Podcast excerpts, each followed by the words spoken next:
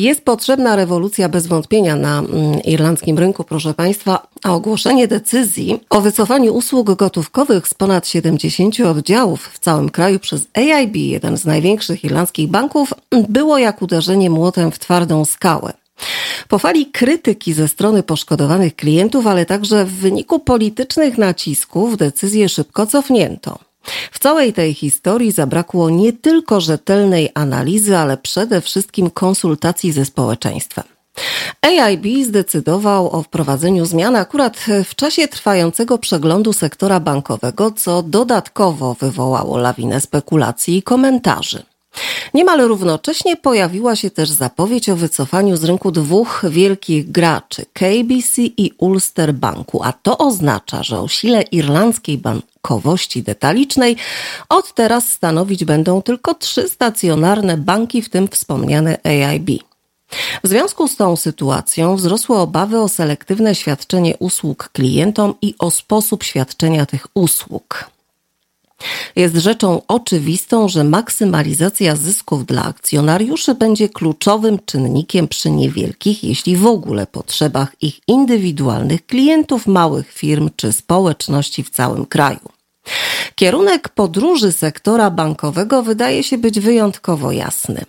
Branża oddala się od społeczności zarówno fizycznie, etycznie, jak i kulturowo, zmuszając klientów do korzystania z internetu w celu prowadzenia codziennej bankowości, a nawet w przypadku ubiegania się o pożyczki. Istnieje jednak realna alternatywa, która służy potrzebom wszystkich, również potrzebom tych najsłabszych. Idealnym rozwiązaniem, drodzy Państwo, są unie kredytowe.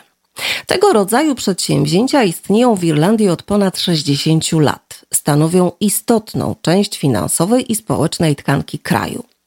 Należące do członków poszczególnych społeczności instytucje finansowe typu non-profit mogą odegrać większą rolę we wsparciu konsumentów, powiększając chociażby zakres proponowanych przez siebie usług.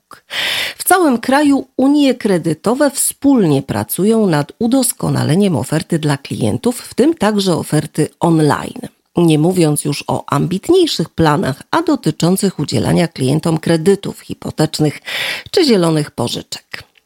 Aktualnie istnieje ponad 70 unii kredytowych w 220 lokalizacjach, które oferują rachunki bieżące wraz z uznawaną na całym świecie kartą debetową.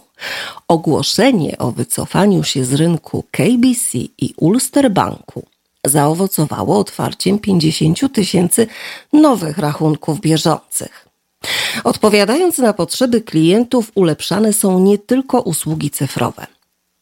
Spółdzielcze kasy oszczędnościowo-kredytowe lepiej rozumieją istotę utrzymania zaangażowania na poziomie face to face.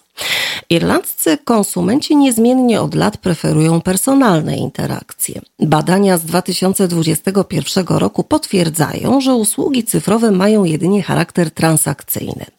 Do rozwijania i utrzymywania długotrwałych relacji z klientami służą bezpośrednie kontakty z pracownikami tych placówek. Równowaga między cyfryzacją a kontaktem z żywym człowiekiem jest kluczowa i unie kredytowe zdają się to doskonale rozumieć, bo tę równowagę zachowują. Jest tylko jeden problem. Spółdzielcze kasy pożyczkowe wciąż nie znajdują odpowiedniego zainteresowania i uznania ze strony polityków. Co prawda nastąpił pewien postęp, ale jak to mówią, jedna jaskółka wiosny nie czyni.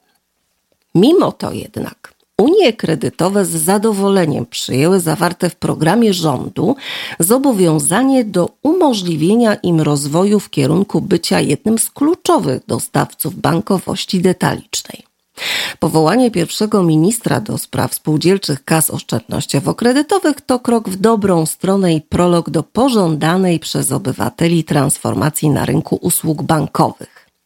Spółdzielcze kasy oszczędnościowo-kredytowe oferują alternatywę dla zdemokratyzowanych finansów, jednak potrzebują odpowiednich regulacji prawnych, by móc w pełni wykorzystać swój potencjał i zapewnić konsumentom jakże potrzebny wybór.